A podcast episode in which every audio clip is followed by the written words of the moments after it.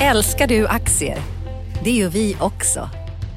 Sea Worldwide Asset Management är en av Nordens största oberoende aktiva aktieförvaltare och har samlad kunskap sedan 1986. Ta del av vår kunskap på seaworldwide.se. Bokstaven C, worldwide.se.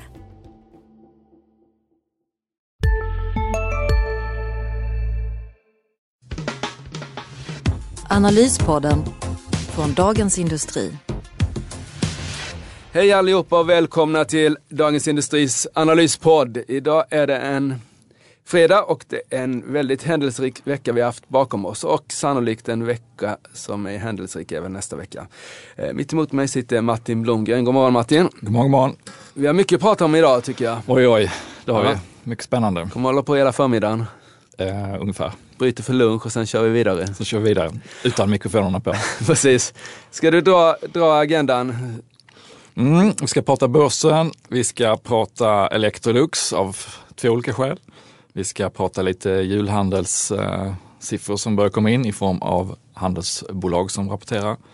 Och eh, lite olja, lite Statoil, lite små och medelstora bolag kontra storbolag. Och Telia får vi ta upp. Telia, som eh, skrev ner 7 miljarder. Och eh, Kina var ju, den stora, stora grejen i Kina var förra veckan, men det har ändå påverkat det här, Mm. så det får vi prata om. Eh, ja du, eh, det är lika bra vi börjar. Ska vi ta Elux? Det har ju, du har ju ändå hållit på med det där från vår sida, tidningens sida.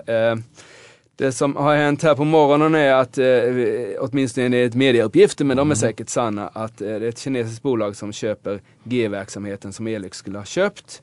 ja, alltså GS amerikanska vitvarudel är det där som vi Precis. pratar om då.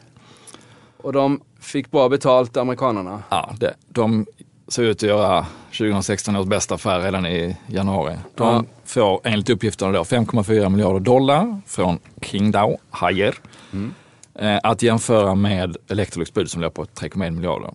Och som grädde på moset så kan de då få ut 175 miljoner dollar av Electrolux i en sån här breakup fee eftersom eh, affären inte blev av. Och det var ju på GS initiativ som den inte blev av. Så att eh, de har eh, sytt ihop en riktigt bra affär. här. Alltså prislappen är 75% högre än vad de var beredda att sälja till Elux. Och dessutom får de då ut eh, För, Break peng, up för fee. fäng, pengar, ja, de, har, de, de, de säljer smöret och, och, behåller smöret och får pengarna. Ja, det är som man ska göra affär. Ja, jättebra det eh, av amerikanerna och GI. Mindre bra för Elux. För Mhm. bytte ju vd här i veckan också. Precis, Keith McLaughlin lämnar och lämnar över till Jonas Samuelsson. Och det var väl inte helt överraskande efter att den här GF-affären sprack i eh, början på december. Jag tycker du är understatement. Hade det inte skett så hade det varit ohyggligt överraskande tvärtom. Ja, så är det nog. Både därför att den här affären sprack och det var hans stora affär och eh, som tidigare har varit känt så har han eh, inte bott permanent i Sverige längre utan han har bott på Grand Hotel. Han har familjen i USA och han har varit på bolaget länge och ja, luften gick nog ur både honom och styrelsen när det här sprack. Så att, Ja, eh, precis. Eh, vad ska man säga om Electrolux nu då? Den har inte tagit stryk på det där egentligen, för det var ganska väntat, eller hur? På dagens eh, Ja, inte dagens. Det är väl bara liksom... Det är väl, ger Den tog mycket stryk när, när affären sprack. Ja, det gjorde sprack. Eh, och sen så har det varit en allmän oro som de också påverkats av. Men, men det man väl kan säga är om eh, Jonas Samuelssons utmaningar då, att Mm. i stort sett på alla marknader utanför Västeuropa så ser det ganska tufft ut. I USA, då kommer de att ha att göra med att eh, liksom reda upp hur de ska gå framåt efter spruckna G-affären där de då får in en stor kines på konkurrenssidan. I Latinamerika, där de är stora i Brasilien, där är valutan och all makro ser usel ut i Brasilien.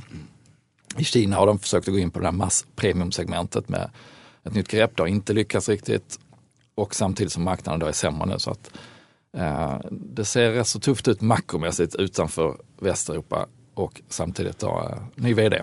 Ny vd ja. Och, och om man tar den här eh, att, att deras för, eh, Electrolux är tvåa på amerikanska marknaden efter Whirlpool. Mm. De skulle köpa trean General Precis. Electric som nu får en kinesisk ägare. Och det säger att de har haft svårt att komma in på premiumdelen i Kina. Då kan man tänka sig att det här kinesiska bolaget eh, underlättas lite då i, det här i Kina kanske genom på något vis lära sig av GS amerikanska del. tror du det är bra? Eller å andra sidan så går ju de in i en, en alltså General Electric med ett kine, ny ägare där går ju sannolikt in i en liten svacka när liksom när de får kinesiska ägare. Så det är lite svårt att säga Ja, vad som det blir. intressanta blir väl hur de här nya kineserna kommer att agera. Det man är rädd för är att det är en pris, kommer en prispressarstrategi för att eh, växa sig stora. Men samtidigt nu köper de in en ganska rejäl stek på en gång så att de måste inte pressa sig in via priserna från låga marknadsandelar utan eh, förhoppningsvis för Electrolux del så, så eh, är de lite, håller de lite linjen liksom med att inte dumpa priserna. Är Men man något- kan väl säga om Samuelsson som tar över då att han är ett välkänt namn för de som följer bolaget. Han har varit finanschef tidigare. Han har varit chef för det som heter Global Operations som omfattar alla delar av Electrolux och senast har han varit chef för EMEA, alltså där eh, Västeuropa eller Europa är den stora delen. Så, att han, han kan ju bolaget utan och innan och så det är ingen strategiförändring på det sättet. Och han är, han, eh, han är välkänd internt, eh, lite välkänt externt då framförallt på finansmarknaden genom sin CFO-roll då. Och eh, det var väl en väldigt naturlig lösning Ja, den absolut mest naturliga interna kandidaten. Speciellt som Europa då, han har eh, under sin tid som EMEA-chef lyckats lyfta marginalerna trots en ganska blek eh, efterfrågan. Så att, eh, han, han har ganska gott eh, anseende skulle jag säga. Elux, är det något du köper idag? Nej, jag skulle nog eh, avvakta lite. Mm. Det är lite för många marknader där det är eh, tufft. Men de kom med en ganska bra Q3, var det inte så eller?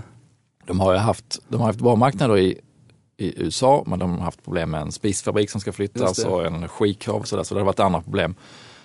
Ehm, men det är, det är många marknader där det är tufft och eh, jag skulle nog vänta och se var strategin landar här. De kommer ha en kapitalmarknadsdag ganska snart efter att uh, rapporten har kommit. Så då klarnar säkert bilden. Den kan nog bli välbesökt med en ny vd och, eh, och vad som händer där, antar jag. Bra, det har ju hänt mängder av grejer här, så vi, vi går snabbt över till, eh, vad är du mest sugen på att prata om? Eh, Ja, jag är sugen på att du ska prata om Telia. Om Telia ja. Statskupp i Uzbekistan såg du som ett alternativ. Som, ja, det hade liksom... Det hade ju varit alternativet att få hem pengarna då, men eh, jag tror inte det hade rimmat så väl med deras nya CSR-principer. Eh, men hade det varit på 50-talet och det hade varit en, en, en, en amerikansk eh, som- eh, teleoperatör som hade kört det där, då hade vi kanske sett så. Men inte, in, in, inte i Centralasien, det var ju mer i Sydamerika som amerikanska bolag hanterade sina intressen i, i, i, andra regioner på så sätt. Jag skrev om United Fruit då som, eh, ja de gjorde ju mycket men de iscensatte en, eh, en statskupp i Guatemala vet jag när det var någon president där som, som de inte gillade. Eh, Men det är klart, det kanske man inte kan begära av Johan Dennelind att han skulle försvara aktieägarnas pengar på, på det eh, starka jag, tror inte, jag tror inte att det skulle uppskattas på stämman faktiskt. Nej, och det är inte hans problem heller. Det är inte han som har köpt upp de här Eurasia eh, länderna. Det har ju varit jättefina vinster. Tittar man på Uzbekistan nu kan man väl inte lita på några siffror alls då, men, men eh, det som redovisas är ju tillväxt och 60% i rörelsemarginal och sådär. Det hade ju varit värt man hade kunnat sätta P 16, 17, 20 på det där egentligen. Om det inte hade varit för att pengarna är låsta i landet. Så det spelar ingen roll hur mycket du tjänar om du inte får, får fram pengarna.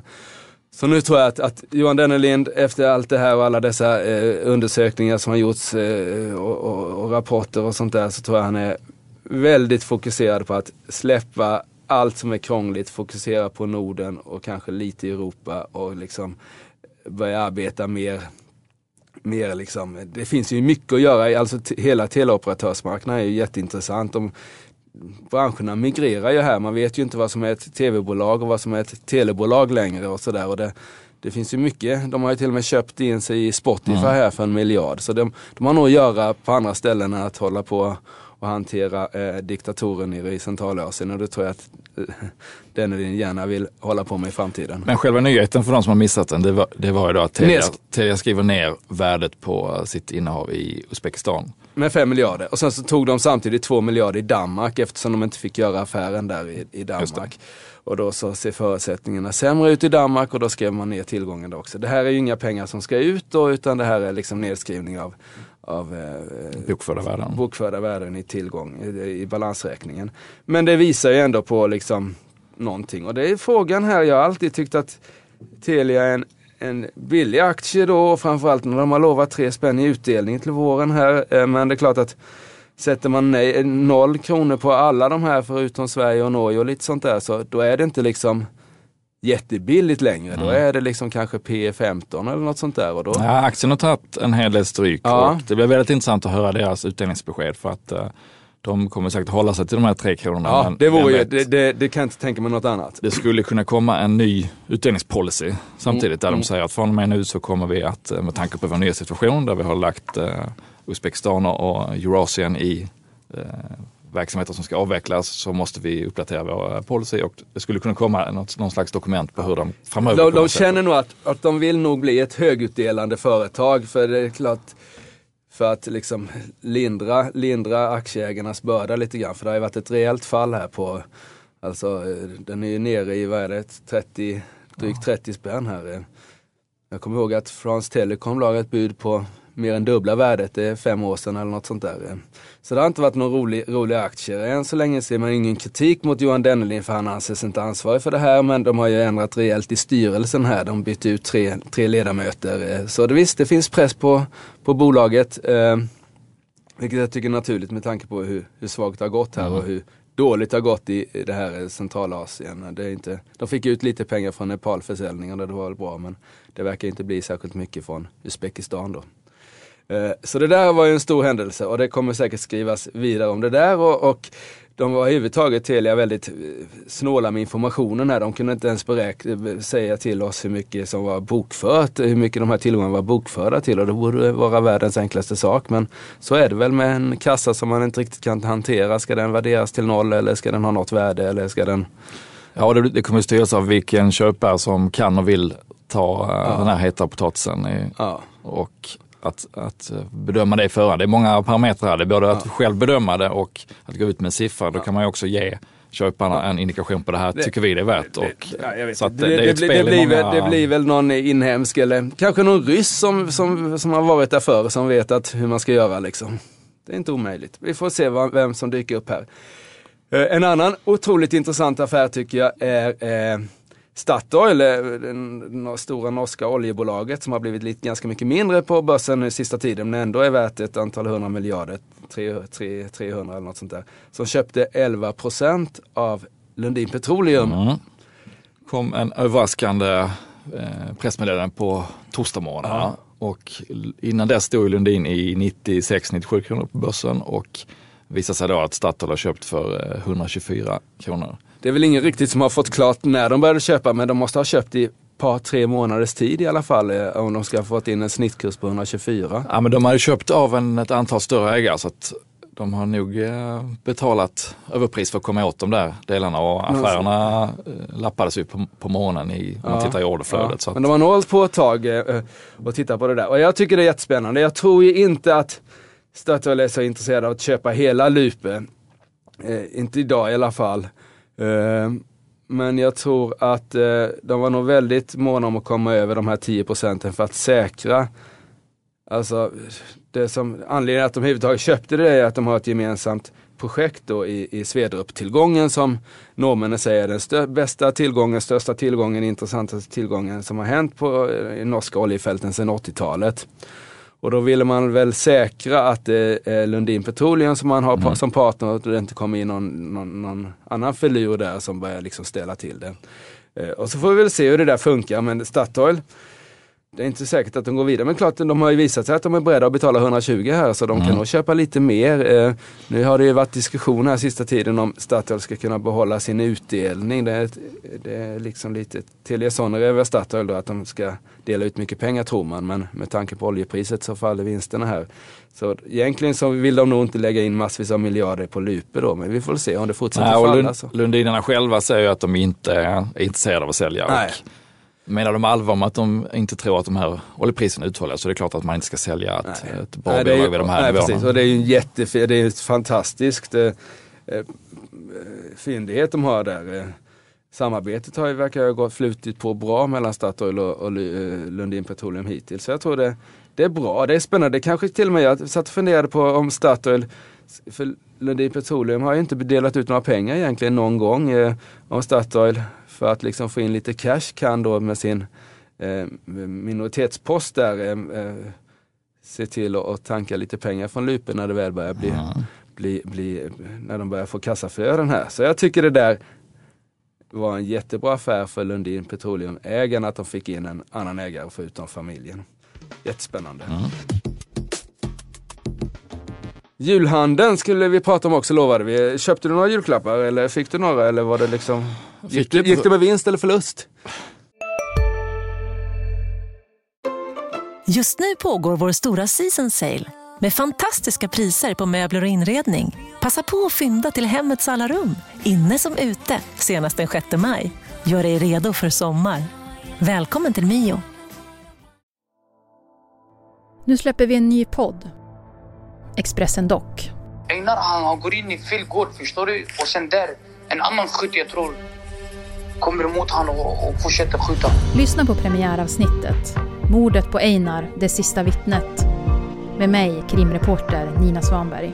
Hon började skrika på mig. Backa hon började säga. Så jag vad, vad hände? Så hon bara, han är död. Så jag bara, vad säger du för något? Så hon började skrika, han är död. Så jag sköt honom nu 21 meter. Lyssna i appen eller där poddar finns.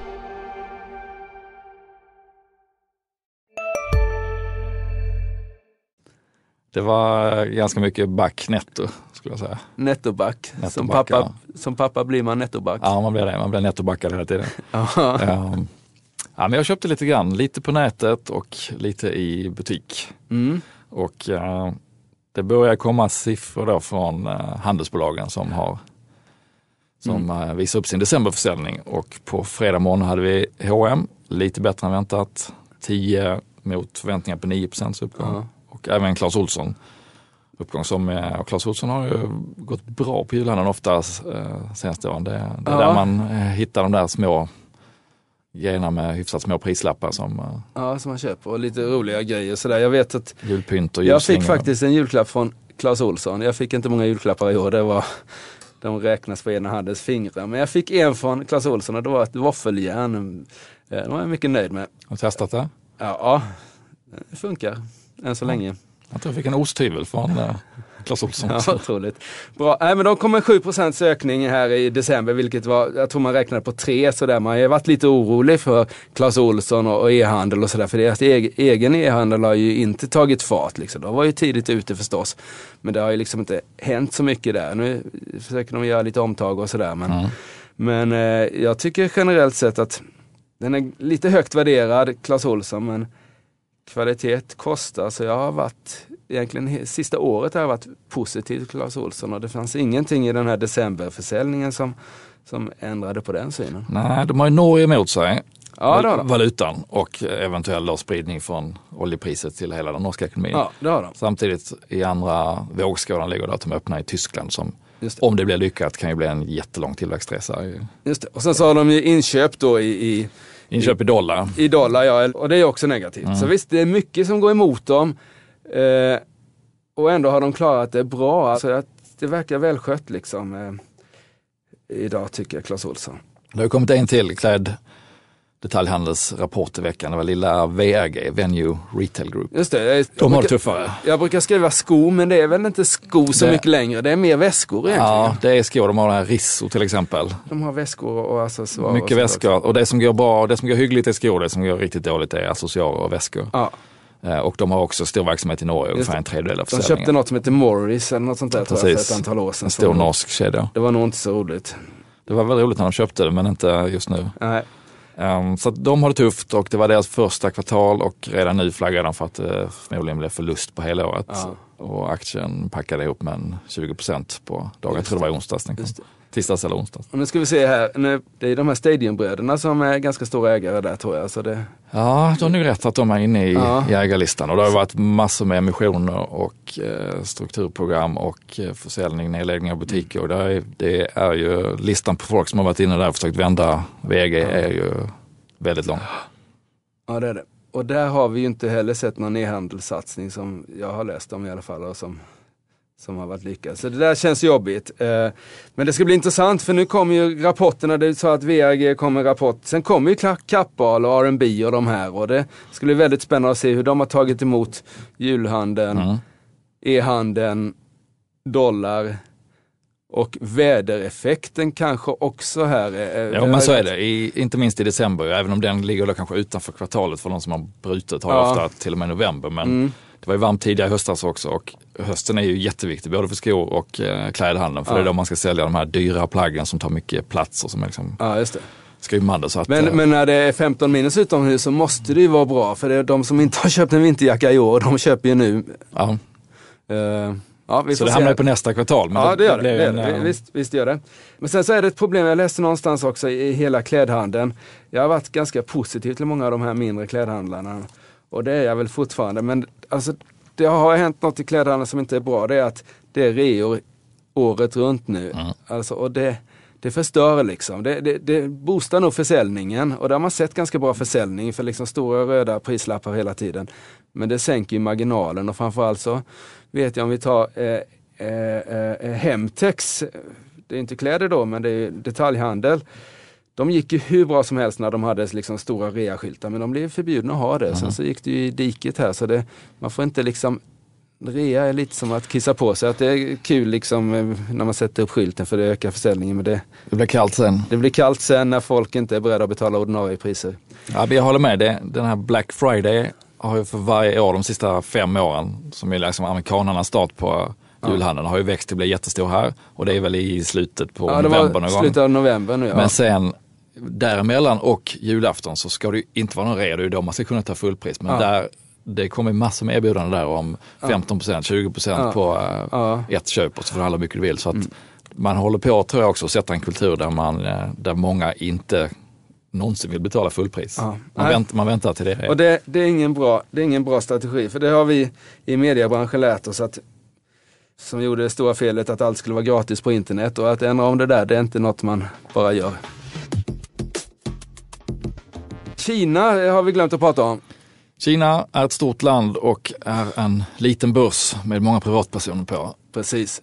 En kasinobörs. Jag intervjuade eh, förvaltare här i veckan och och de, det där är en kasinobörs. Den steg 150 procent samtidigt som vinsten föll i bolagen. Och det, de som kan räkna P tal vet vad som händer då när E minskar och P rusar. Det blir dyrt. Och det har vi fått se då här under året och sen så har liksom man försökt stävja det, stävja det där med olika politiska eh, eh, åtgärder vilket aldrig brukar funka. Och så är det kaos. Och, eh, men jag tyckte det som var intressant med mina samtal med de här Kina-förvaltarna är ju att det är vi som har liksom det här att åh, hur vä- Kina växer inte längre, det är kris och katastrof. Men enligt de här personerna då som har varit med längre än vad jag har varit eh, säger att Ja, men det är ju så, det är så de vill att det ska göra Kina. De vill inte ha 8 för det förstör miljön fullständigt och de vill inte sälja billiga skor, eh, göra skor åt Nike längre utan de ska göra andra grejer. De ska ha en inhemsk befolkning som liksom konsumerar vård och, och tjänster och liksom själva ska de göra kvalificerade saker. Nu fick de ju Nobelpriset i medicin och sådär. Så det är liksom en, det är en annan, en ny ekonomi som ska in och då, ska man inte, då växer man inte 8% Det gör man i en uppbyggnadsfas men i en, när man har nått liksom den nivån då växer man bara 3-4% vilket är jättebra men det är inte 8 och, och vi, Så vi, jag tror att vi har haft fel perception där. Jag tror att man ska se Kina. Kina är en superintressant marknad för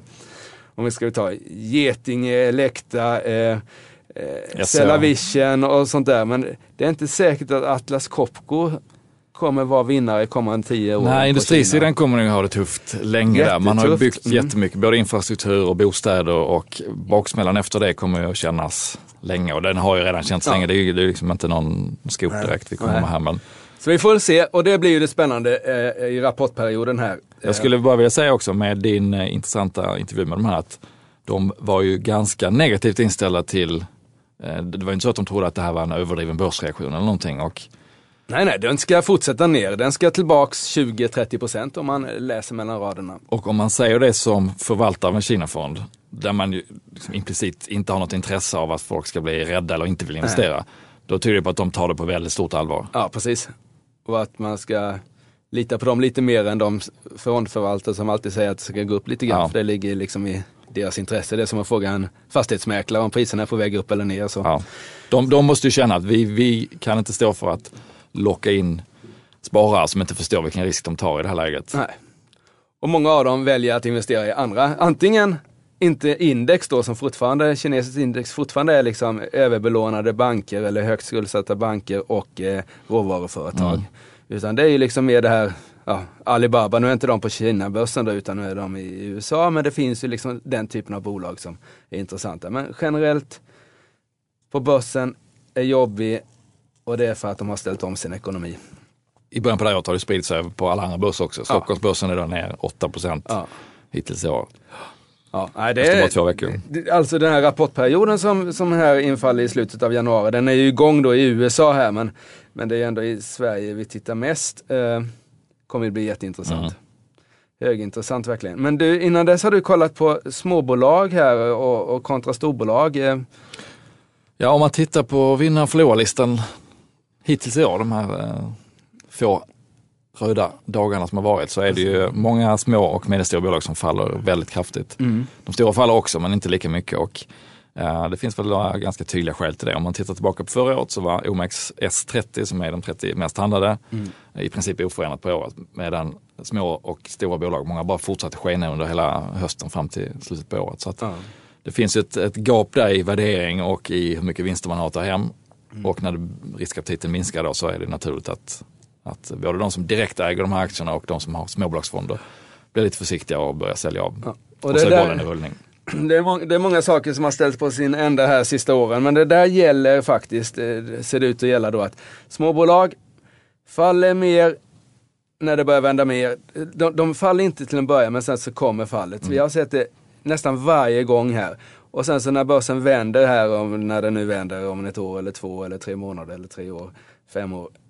Då kommer låg, eh, småbolagen vara väldigt lågt prissatta, så då ska man in i dem. Man ska, inte, man ska äga småbolag tidigt i en börsuppgång och så ska man sälja dem vid- vid- när börsen är högt värderad, för då är de extra högt värderade. Och det, det finns ju fler förhoppningsbolag i den här kategorin företag också där vinsterna inte liksom speglas av, eh, av Men det, men det som har fallit här är ju ändå, liksom, vi snackar småbolag, men det är ändå bolag med börsvärden på 3, 4, 5, 7, 8, 10 miljarder Ja. och liksom ett tusentals anställda sådär. Så det är inte liksom, det är ju inte, Nej, det är inte små konsultbolag med, nej. med tio personer Nej. utan det är ju utan det är sånt börs- som Bilia och Mekonomen och ja, fram, Itab och sånt där som har varit väldigt Ja. framgångsrikt på börsen som, som nu tar stryk. I börstermer så är det små och, Ja. och medelstora där. Ja, precis. Eh, och ett annat skäl till att, att jag tror att det här gapet kommer stängas, att stora kommer gå bättre jämfört med små, det är att nu närmar sig utdelningssäsongen och letar man direktavkastning så är det ju bland de stora som, eh, det, det både är högre och säkrare utdelningar. Ja, så att Det tycker jag. Plus att de har ju gått ner stängs. rejält mycket sämre Mm. här.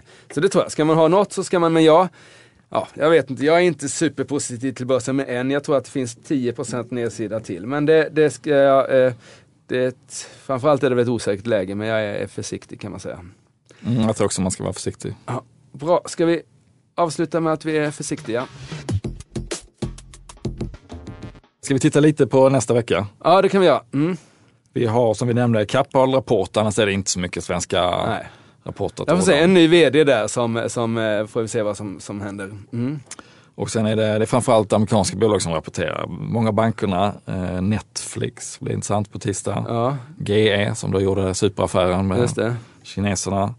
Eh, och sen kommer den här intressanta utvärderingen av svenska Riksbanken. Just det.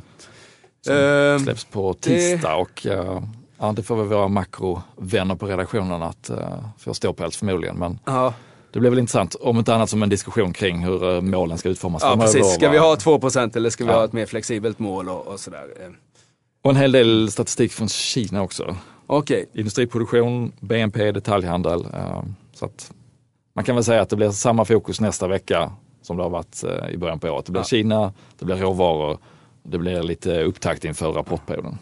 och så får vi se om det händer fler spännande saker bland våra börsbolag också, precis som det gjorde den här veckan med Telia, Elux, eh, Lupe och sådär. En faktor som man kan lägga till tror jag på börssynen är att eh, under flera år nu så, så fort det har blivit eh, skakigt och riskaptiten har gått ner så har man ändå på något sätt vetat, eller trott sig veta att nu kommer centralbankerna snart med, expansion, med, med mer eh, expansiv politik och så räddas allt och så går börsen upp. Men jag är inte så säker på att man kommer att tolka det positivt längre om, om centralbankerna blåser på igen. Nej, Den det- eh, faktorn kan faktiskt vara på väg att spela ut. Och då, det är lite risk-on som det heter på börsen. Ja. då, um, amerikanska centralbanken har redan börjat höja och när det liksom flaggas för att vi kan göra mer både från Riksbanken och ECB så det verkar inte bita lika mycket längre. Nej, alltså herregud, liksom, om, inte, om, inte, om inte kineserna kan styra sin valuta med en valutareserv på 4 000 miljarder dollar så är jag liksom, för de har ju fått devalvera här, så är jag ju liksom ställer jag inte så hög tilltro till, till att Ingve ska sitta och skicka ut några miljarder i marknaden och hoppas att han ska sänka kronan på så sätt. Det, det, det är liksom död för att det kostar bara pengar. Uh, tycker jag. Men uh, det kanske någon makroexpert hos oss ska tycka istället. Men så tycker jag. Uh, bra, vi har hållit på jag tror nästan det är rekord, en halvtimme har vi gett Herregud. våra läsare av, av insiktsfulla in, insikter och allt möjligt. Tack för dina insiktsfulla analyser. Precis. Tack ska ni ha för att ni lyssnade. Vi återkommer på fredag. Fram till dess får ni klä på er mycket kläder och ha en skön helg. För det kommer bli kallt där ute och vi är rädda för att det blir kallt på börsen också kommande månaderna. Yes. Tack ska du ha Martin. Tack själv. Tack, hej. Hejdå. Analyspodden från Dagens Industri. Podden redigerades av Umami Produktion. Ansvarig utgivare Lotta Edling.